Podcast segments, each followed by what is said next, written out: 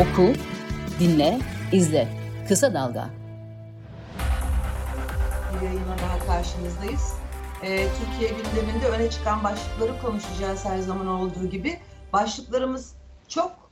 Ee, bir değişiklik var mı başlıklarımızda? Aynı şeylerin etrafında dönüyoruz artık ama yapacak bir şey yok. Çünkü siyaset oradan ilerliyor ne yazık ki. Ee, şöyle başlayalım isterim Sedat. 50 artı 1 tartışması.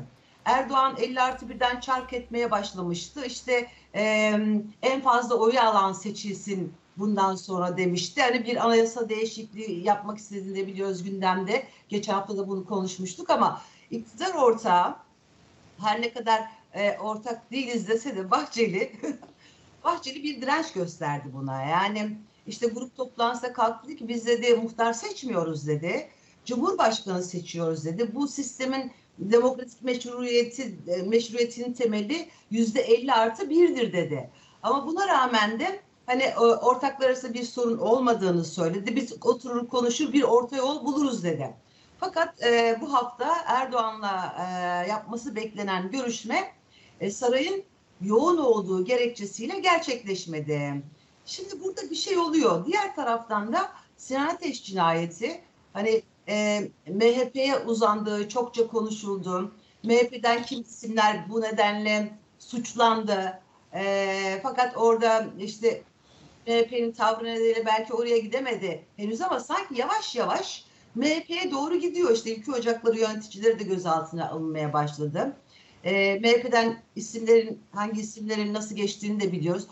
Orada ne oluyor? Hakikaten e, Erdoğan MHP'yi sırtından atmaya çalışıyor mu? Hani Bahçeli her ne kadar dese de biz kimsenin sırtına binmedik. Kimse de bizim sırtımızda değil ama yani görünen köyde kılavuz istemez.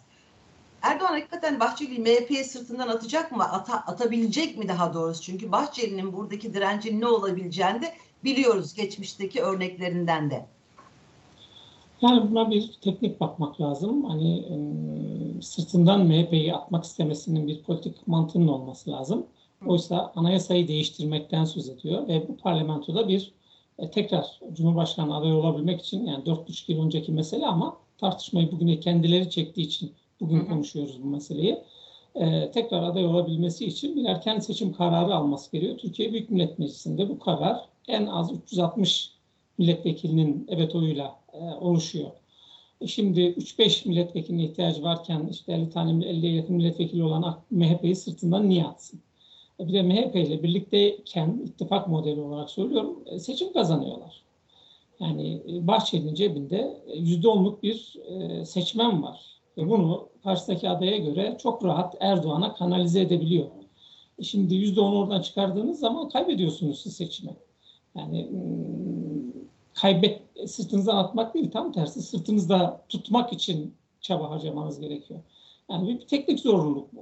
Çünkü 3 tane 5 tane milletvekiline bile ihtiyacınız var. 3-5 milletvekili olan Cumhur İttifakı'nın paydaşlarına bile ihtiyacınız var. Ee, aynı şekilde MHP'nin de AK Parti'ye ihtiyacı var. Ee, yani yeri e, Cumhur İttifakı'nda AK Parti'nin yanı olmazsa bugün MHP parlamentoda var mıydı yok muydu ondan çok emin değiliz. Hatırlayalım seçim barajının %7'ye indirilmesini e, savunan e, Devlet Bahçeli'ydi, MHP'ydi. Yani MHP'nin isteği üzerine evet. baraj %7'ye inmişti. Çünkü kendi ölçümlerine göre de oy oranları oralardaydı. E, şimdi böyle bir ortak birbirlerine fayda sağlarken, birbirlerine katkı sağlarken birbirlerinin sırtından atmak isterler mi? Ben çok isteyecekleri kanısında değilim. Peki Bunu, ne yapmaya çalışılıyor burada? Yani o zaman olan ne? MHP'yi mi sıkıştırmaya çalışıyor? Yani benim istediğimi kabul edin demeye mi getiriyor, getiriyor Erdoğan? Yani Erdoğan'la Bahçeli'nin ne yapmak istediğini çözdüğüm anda bana Nobel ödülü verirler. Mümkün değil yani. Biz dışarıdan gördüğümüz şeyi okuyoruz. Hani aşağı yukarı o yapıların DNA'larını bildiğimiz şey. Gel espri olsun diye söylemiyorum. Gerçekten çözülmesi mümkün değil. Yani dört buçuk yıl önce bir, dört buçuk yıl sonraki seçim dönemini e, tartışmak e, yani dünyanın hemen hemen hiçbir yerinde yoktur ya. Yani e, çok düzenli işleyen ülkeler için de söylüyorum. Yani bunu hangi mantıkla biz açıklayabiliriz? Yani vardır tamam çünkü hiçbir şeyi boşa yapmaz Erdoğan. Hiçbir şey. Yani bu şeyi de hatırlayalım. Almanya'ya gitti. Almanya Cumhurbaşkanı ile işte bir one minute denemesi yaptı. Çok fazla başarılı olduğu söylenemez. Gelirken e, uçakta e, gazetecilerin eline verilen soruların içindeydi bu. Yani oradaki gazeteciler vay gazetecilik yapalım, haber yapalım peşine düşerek soru sormuş değiller. Bizzat Erdoğan onayından geçmiş, Tabii. onlar tarafından hazırlanmış sorular dillendirildi. E bunun üzerine Kesinlikle. bir yanıt verdi. E, hani daha önce de bu e, yaşanmıştı. 3 yıl önce falan gene bir e, Cumhur e, Cumhurbaşkanlığı sisteminde ve 50 artı 1'de bir değişikliğin söz konusu olması gerektiği hem Erdoğan tarafından hem AK Parti tarafı kurmaylar tarafından dile getirilmişti. Buna en büyük direnç, en büyük itiraz gene o zaman MHP'den, Devlet Bahçeli'den gelmişti. Yani Devlet. Bahçeli buna itiraz ettiği zaman dolaba konuyor ama Devlet Bahçeli'nin itirazı da neye tekabül ediyor? Yani orada söylediği şu hani biz bakan vermedik ama bu yürütmenin bir parçasıyız diyor. Onlar ne karar alırsa hepsini destekleriz diyor. Tabii. 50 artı 1 bu sistemin şeyidir diyor, doğasıdır diyor, en önemli noktasıdır falan diyor ama konuşulur diyor. Hani öyle e, 50 artı 1'e dokundurmayız ya biz ya 50 artı 1 falan filan cümlesi de yok.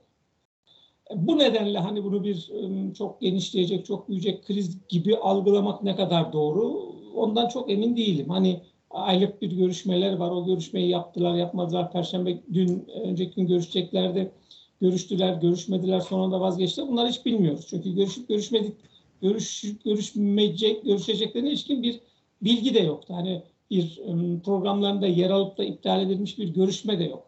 Ama bir rutin olarak her ay e, Devlet Bahçeli ile Erdoğan sırayla ya kendisi saraya geliyor Devlet Bahçeli'nin ya da Erdoğan Bahçeli'nin evine gidiyor. Parti genel merkezlerinde de olmuyor bu görüşmeler. Evet. Ee, şimdi bu, bunun her ay bunu yapıyorlardı. Bu ay e, şu ana kadar yapmadılar. Hani yaparlar mı, yapmazlar mı?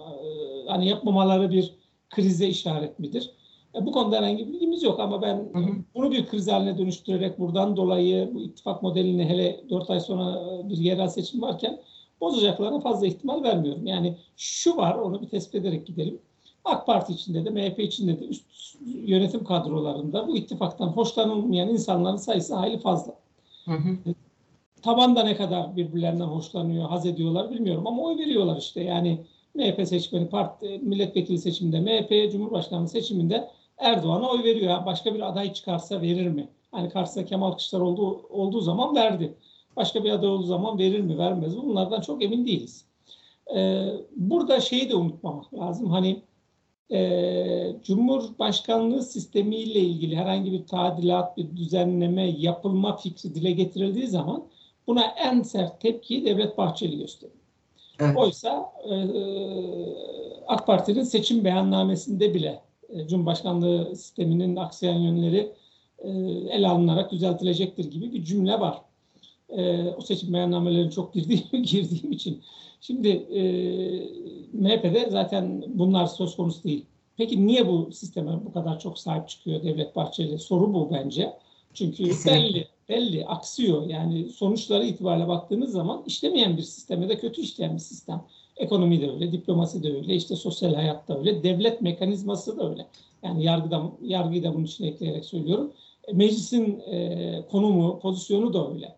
Yargı Hı hı. organları da öyle. Yani şu anda bu sistemin e, herhangi bir e, yaraya merhem olduğunu e, görmedik. Olma ihtimalinde olmadığı ortaya çıkıyor. O yüzden el, alınma, el, al- el atılması lazım ama hayır sistem çok iyi işliyor. Türkiye'nin geleceği bu sistem bağlı diye bir Devlet Bahçeli var. Bu sisteme de hani çok şahane Türkiye'yi uçuracak bir model olduğu için geçmedik. Devlet Bahçeli bir gün çıktı dedi ki anayasayı fiili duruma uygun hale getireceğiz. Yani bir zorunluluk, bir şekil şartlarını yerine getireceğiz.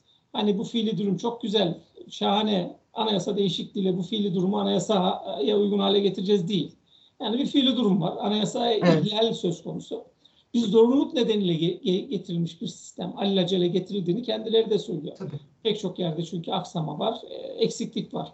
Deneme yanılmayla e, Cumhurbaşkanı'nın bile bu sistemi keşfetmeye çalıştığı bir sistem bu. Ama bunda işte Devlet Bahçeli sonuna kadar bunu e, savunuyor. Yani buradan e, ufak tefek yoklamalar mı çekiyorlar? E, bunu kamuoyunda yaparlar mı çok emin değilim ama e, Devlet Bahçeli siyasetini işte salı günleri grup toplantısında yapıyor. Kendi kitlesini orada motive ediyor. Evet. Konsolide ediyor, bir arada tutuyor. Ve her grup toplantısında bir şey söylemesi gerekiyor. Yani bu hafta örneğin HDP kapatılsın, Anayasa Mahkemesi kapatılsın demedi. Bunun yerine gündeme bunu taşıdım.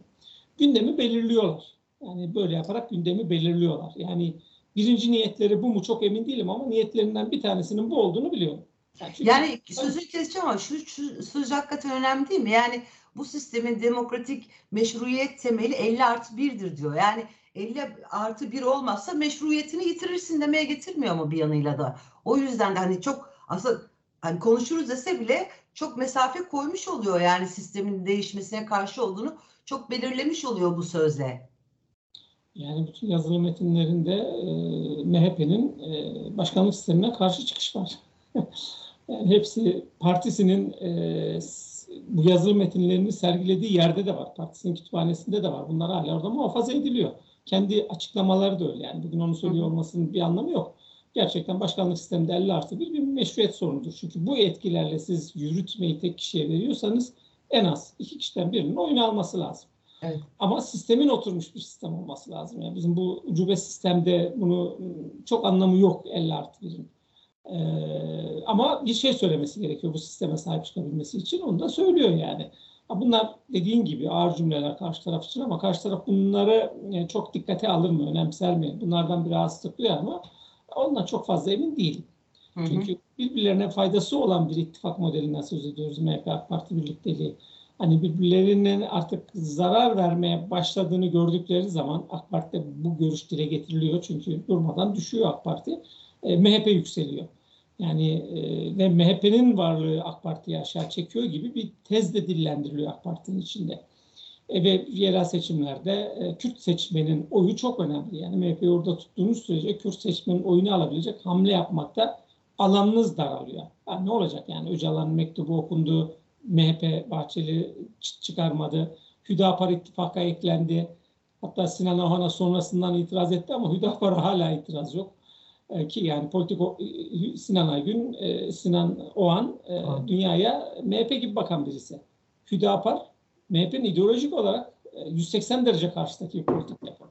Yani Sinan Oğan'dan önce itiraz etmeniz gereken yer orası. Ona bile itiraz edilmedi. Hı hı. Hani ama biraz daha geniş bir alan istiyor AK Parti gördüğümüz kadarıyla. Bu MHP'nin varlığı galiba bu alanı aşmasına e, şey de olabilir engel. 50 artı biri çok fazla uzatacakları kanısında değilim. Çünkü her şeyden vazgeçtim. Yani örneğin Cezayir'den dönerken gazetecilerin eline okuması için verilen sorular arasında e, gündemde olmasına rağmen 50 artı bir yoktu. Uzamasını isteseydiler e, çok rahat orada e, bir soru sordururlardı. Cevabı belli bir soru sordururlardı uçağın içindekilere. Bunu da yapmadılar. Demek ki bunu birazcık e, Erdoğan bunu çok sık yapıyor. Sessizliğe yatıracak, unutturacak. Böylece bir gündem değişikliği de gündeme gelecek. Sözünü kestim kusura bakma. Çünkü hani matematik bilgisi olan insanlardan söz ediyoruz. Yani matematikteki dört işlemi aşağı yukarı hepsi biliyor. Hatta burada ihtiyacımız olan iki işlem. Anayasa değişikliği için parlamentoda referanduma götürebilmeniz için gene 360 milletvekiliniz gerekiyor. Referanduma gitmeden değiştirmeniz için 400 milletvekiliniz gerekiyor. Referanduma gidecek sayıyı bulması için Cumhur İttifakı'nın mevcutları muhafaza ederek hiçbir tane fire vermemesine e, sağlayarak işte Yeniden Refah Partisi 5 milletvekili var ve AK Parti ile arasında açık koymaya başladı. Yani DSP'nin bir milletvekili var ama e, her dediğini parlamento çatısı altında yapacak mı? E şimdi bunların hepsini muhafaza ederek e, 30 tane, 35 tane milletvekiline ihtiyacınız var. E, referanduma götürecek sayıyı bulmanız için. E, referandumsuz götürmeniz için 75-76 tane milletvekiline ihtiyacınız var. Ve bugünkü meclis aritmetine baktığınız zaman hani imkansıza yakın bir e, mümkün değil. Yani hani imkansız diyemezsin çünkü Türkiye siyaseti yani. e, ama imkansıza yakın bir mümkün değil cümlesi kurabilirsiniz burada. Çok kolay gözükmüyor. 15 tane partiden oluşuyor bugünkü parlamento. E şimdi e, bu e, teknik olarak elinizde böyle bir e, imkansız matematik denklemi varken, problemi varken anayasa değişikliğini dile getirmeniz sadece dile getiriyor olmanız anlamını taşır. Yani ben anayasa değişikliğini, yeni bir anayasa fikrini dile getirdim dersiniz o kadar. Onun dışında bir şey olmaz. Kaldı ki referanduma götürecek sayıyı buldunuz. Hı hı. Yerel seçim öncesinde ya da sonrasında referanduma götüreceğiniz varsayarak söylüyorum. Yani sokaktaki AK Parti seçmeni bile öfkeli. Bu öfkeli seçimin önüne, seçmenin önüne günlük hayatını kolaylaştıracak, yoksulluktan, fakirlikten, işte ev kiralarından, gelir dağılımındaki adaletsizlikten onu alıp götürüp ya da onun bu sorunlarına, sıkıntılarına çare olmayacak bir anlam ifade etmeyen sokaktaki insan için hiçbir anlam ifade etmeyen bir anayasa değişikliğini bu seçmenin önüne koyduğunuz zaman dramatik bir yenilgi alırsınız. Hı hı. Yani e, yüzde yirmilerle yüzde otuzlarla ifade edilen bir evet çıkar karşınıza. Ve bu, bu, bu sizin çökmenize neden olur. Bunu görmeme ihtimalleri yok. E, görüyorlar bunu. O yüzden söylüyorum hani bir nedenlerinden bir tanesi en önemlisi bence hani gündem değiştirin. Kimse işte enflasyonu konuşmasın. Emekli maaşlarını kimse konuşmuyor. Oysa ki düzenleme yapılacaktı. Bu ana kadar oyaladılar. E, memur maaşları, zam oranları, işçilerin e, zam oranları, asgari ücrete getirilecek zam, e, zirve yapmış kiralar, e, hani kontrol altına alınamayan enflasyon ve durmadan yükselen faiz. Hani faiz neden enflasyon sonuçtu falan ama şimdi faiz de yükseliyor, enflasyon da yükseliyor. Gerçekten e, faiz neden enflasyon sonuçmuş. Bunu da ekonomi bilimine e, dayatarak kabul ettirdi Erdoğan ekonomik modeli de. E şimdi bunlar konuşulmuyor. Ne konuşuyoruz? Gerçekleşme ihtimali olmayan, bir anlam ifade etmeyen ve 4-4,5 gün sonraki seçimleri ilgilendiren meseleleri konuşuyoruz. Bu da iktidara bir keyifli alan yaratıyor. Ben hani Sinan Ateş cinayete dahil olmak üzere söylüyorum. Bürokra, bürokrasi de çünkü Erdoğan şunu kabullenmiş gözüküyor. MHP'nin bir varlığı var. Etkili, bürokrasi de etkili. Yargıda, emniyette, orduda, nerede işte bütün e, kilit noktalarda MHP'nin bir etkinliği olduğunu gördüm. Hı hı. Ona rağmen MHP ile bürokratik bir takım yargıdaki bürokratik bir hamlelerle onu bir hizaya getirmek, zorlamak, sıkıştırmak derdine düşeceğine hani ihtimal vermiyorum. Hani olur mu? Yani bunun olduğunda Sedat sen de hiçbir şey göremiyorsun. Bak oldu diyebilirsin. Diyebilirsin. Öyle bir memleket ama şu Doğru. benim okumam, benim okumam hani böyle birbirleriyle cebelleşecekler, birbirleriyle dalaşacakları bir neden olmadığını.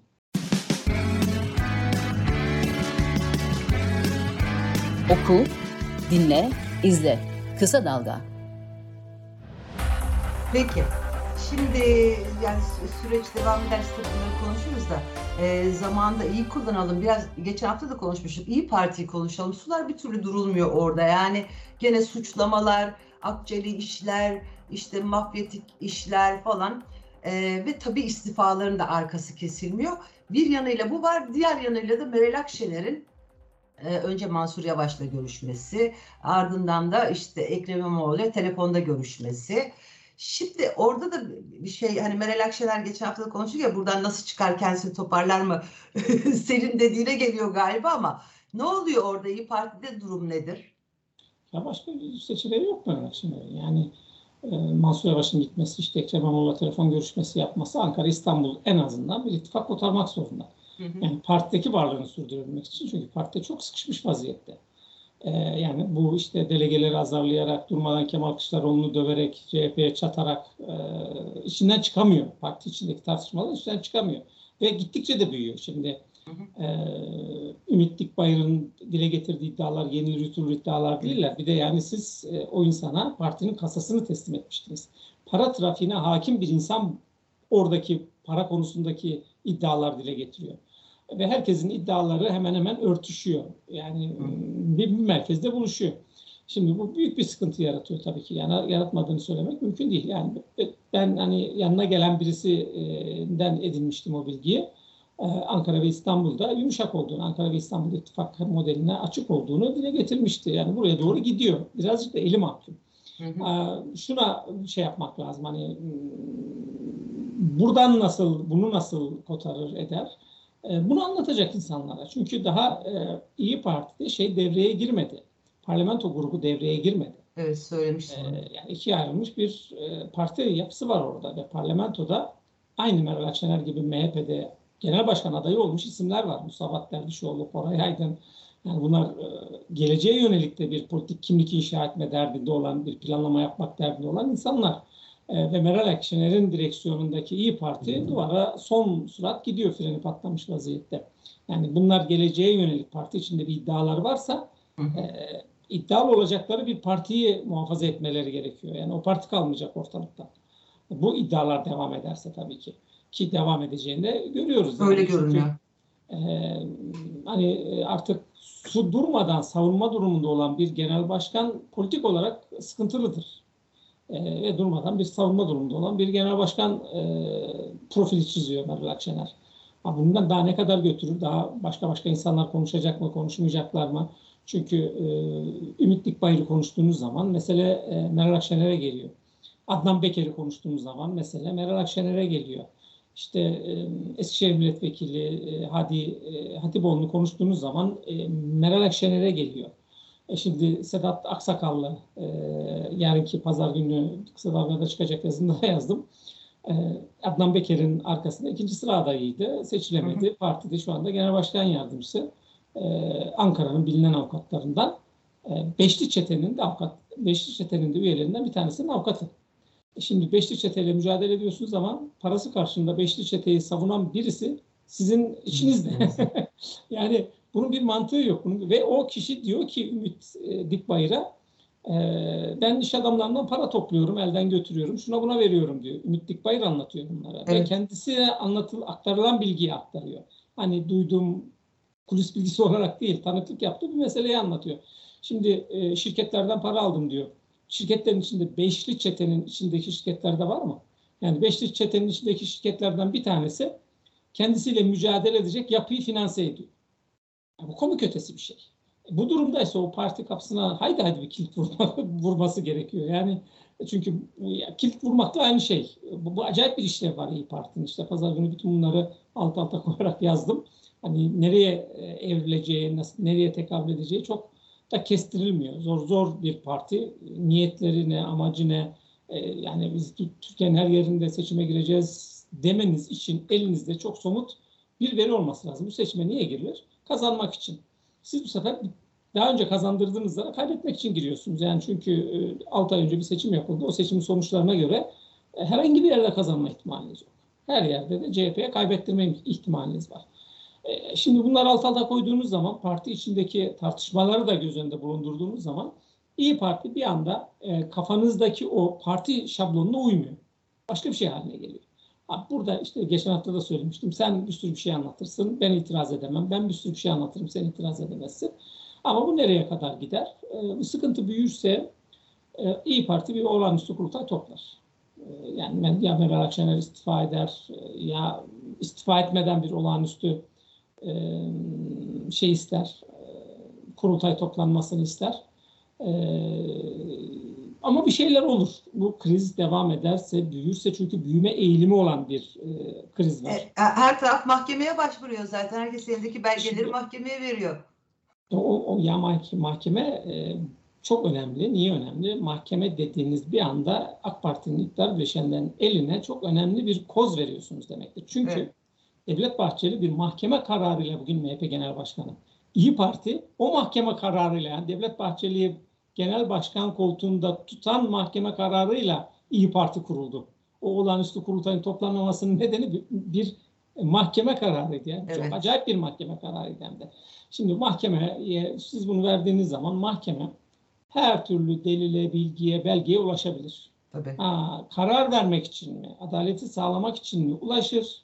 Başka bir şey için mi ulaşır? Çünkü operasyona açık bir hale gelirsiniz siz. Hani bugüne kadar çok mu bunların dışındaydınız diye bir soru da bakidir ama buraya iyice operasyon açık bir hale gelirsiniz. Yani ne olur ondan sonrasına da bakmak lazım.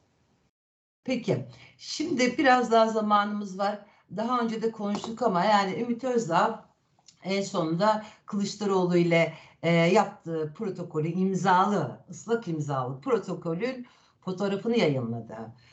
Ee, hani ilk açıkladığı zaman da zaten biliyorduk bazı şeyleri söylemişti işte İçişleri Bakanlığı'na verecekti e, Ümit Özdağ. E, Milli Eğitim Bakanlığı, Kültür Turizm Bakanlığı. Sadece bunlar da değil. E, işte yargıda, e, güvenlikte, e, ekonomide müsteşarlıklar, bakan yardımcılıkları falan da söz verilmiş.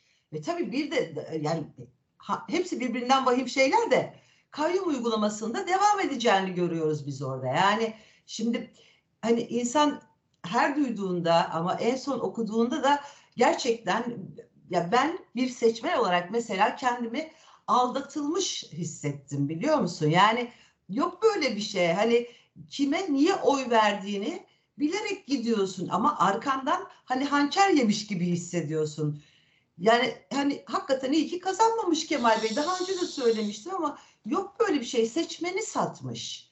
partisini satmış. Yani böyle bir şey olamaz hakikaten. çok, çok sinirleniyorsun ama çok Çok gereksiz. sinirleniyorum. Yok hayır e, sinirlenmen gereksiz, anlamsız. Yani gerçekten memlekette e, bu konuştuklarımız dramatik sonuçlar doğurmasa çok eğlenceli işler.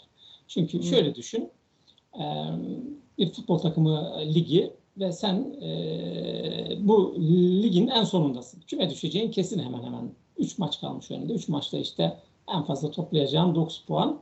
Ama 15 puandan az e, puan toplarsan küme düşeceksin. Bir teknik direktör geliyor diyor ki ben sana e, şampiyon yapacağım. Yani küme düşmeyi bırak şampiyon yapacağım diyor. Ne, ne istersin karşısında diyorsunuz antrenöre. Antrenör de diyor ki işte şunları şunları isterim. Tamam yazılı metin haline getirelim altını imzalayalım. Durum budur. Yani Kemal Kılıçdaroğlu bu protokolü seçim kazandıracağına kendisine inandığı için Ümit Özdağ'la yapmadı. Sadece aradaki fark açılmasın, aradaki fark çok dramatik olmasın e, diye yaptı.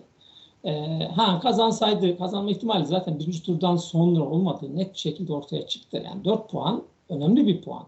Ama gene de dürüst değil. Yani şimdi diyorsun nasıl başka tabii kazanmayacaktı bu yazayım. ilkesel, ilkesel, Evet, etik, ilkesel etik meseleleri bir köşeye bırakıyorum ben yani. Şimdi o dönemde Kemal Kılıçdaroğlu'nun büyük sıkıntısı şuydu. Yalnız bırakıldı. Yalnız bırakılınca sağa sola saldırdı. Çünkü Kemal Kılıçdaroğlu böyle birazcık ya yanındakinin hemen kontrolüne girer ya da anında kontrolden çıkar. Böyle bir, bir kişiliği var yani. Onun için CHP'yi böyle yönetti. O yüzden çok çabuk kaybetti. Yani birazcık daha iradeyle o parti yönetiyor olsa, o, o yönetiyor olabilseydi e, bu kadar kolay kaybetmezdi. Yani CHP'nin içinde bu kadar kolay kaybeden bir başka şey yok. Genel başkan yok. Yani bak Altan Ömen emanetçi olarak getirildi. O bile 3 tur direndi şeye Deniz Baykal'a. Üçüncü turda Deniz Baykal ki Altan Öymen'i oraya getiren delegelerin hakimiyeti e, de, Deniz Baykal'ın elindeydi.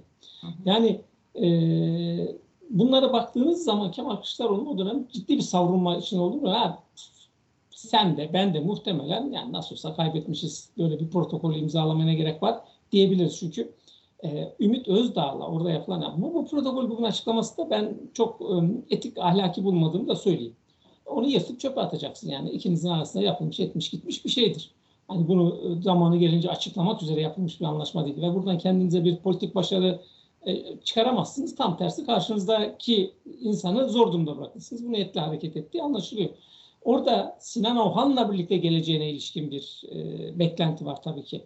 E, Ümit Özdağ hala şunun öz eleştirisini yapmış değil. Sonuçta sen e, insanların önüne Cumhurbaşkanı olması için bir aday koydun. Sonuna kadar destekledin ve bu bir fayda karşılığında e, karşı tarafa gitti.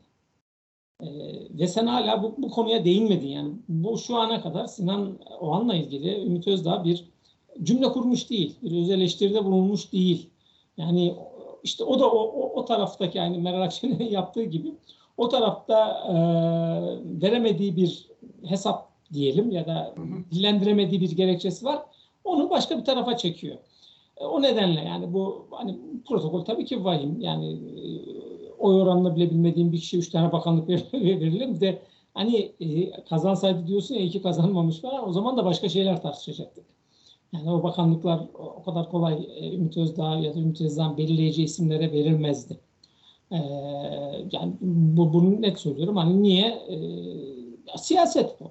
Kıyamet kopardı yani. Siyaset, Kıyamet kopardı yani, zaten o- atılmasında. Bileşenler de var. Yani bugün, bugün onu eleştirenler de garip. E, Meral Akşener de dahil olmak üzere. İkinci, birinci turdan sonra açıklama yaptı. Tam yetki verdik. Her şeyi yapabilir. Herkesle görüşebilir. Ümit Özdağ'la çünkü görüşmesi soruldu.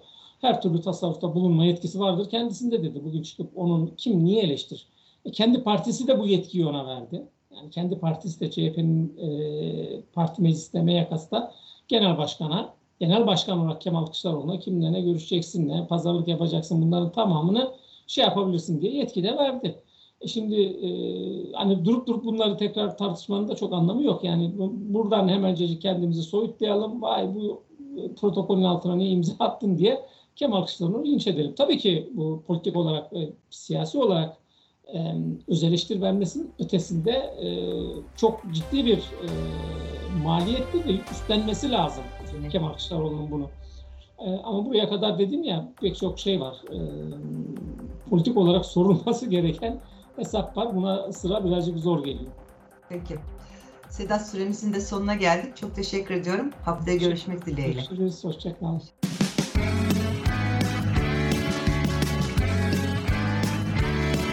Kulağınız bizde olsun. Kısa Dalga Podcast.